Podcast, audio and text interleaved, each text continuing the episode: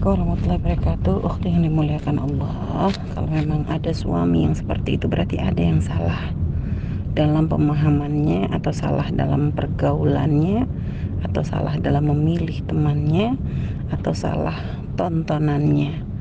Artinya ya mungkin Jadi dia karena mungkin tontonan yang kurang baik Menjadikan dia berhayal atau menghayalkan sesuatu yang ya tidak pantas untuk dilakukan seperti yang dilakukan oleh uh, suami dari teman Ukti ya.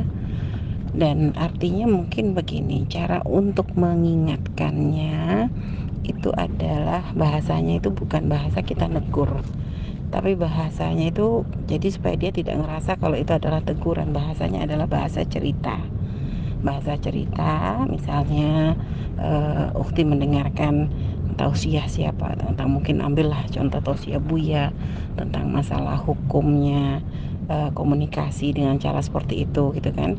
Nah, cerita mas doain ya semoga bisa menjaga. Kalau nanti aku ada kurang-kurang bahasanya tolong diingatkan. Jadi bahasa itu bukan bahasa teguran langsung kepada suami. Jadi kesannya itu kayak kita berbagi gitu ya kayak kita curhat kita cerita tadi dengar nasihat seperti ini. Bantu ya mas ya biar bisa ngamalin lihat. Jadi bahasanya adalah lebih himbauan kepada diri sendiri.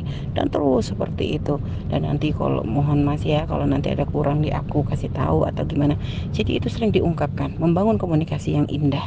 Artinya dialihkan pikiran suami dan mungkin juga uh, artinya kita mencoba untuk membuat kesibukan-kesibukan yang positif ya. Kemesraan semakin ditingkatkan dan juga komunikasi semakin lebih intens lagi gitu kan. Sering duduk bersama suami. Jadi duduk tuh dalam duduk-duduk nyantai juga artinya itu lakukan gitu kan. Kebersamaan yang seperti itu yang hendaknya memang harus sering di apa ya kita biasakan dalam keseharian kita gitu ya. Sehingga uh, akhirnya kalau sudah teralihkan kan nanti dia sudah nggak fokus dengan keinginan yang aneh itu. Jadi seperti itu waktu ya uh, insya Allah terus berupaya sambil kita memohon kepada Allah kita berdoa kepada Allah dan tingkatkan kemesraan bangun komunikasi yang lebih intens lagi.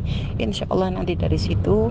Dan juga kalau perlu sambungkan suami kepada ulama yang soleh yang sekiranya nanti bisa menjadi pencerahan atau menjadi sebab sampainya hidayah.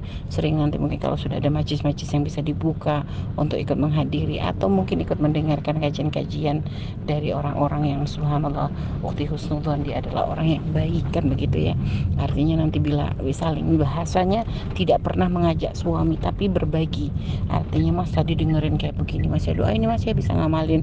Bahasanya selalu mengarah kepada diri sendiri bukan menuding suami harus seperti itu.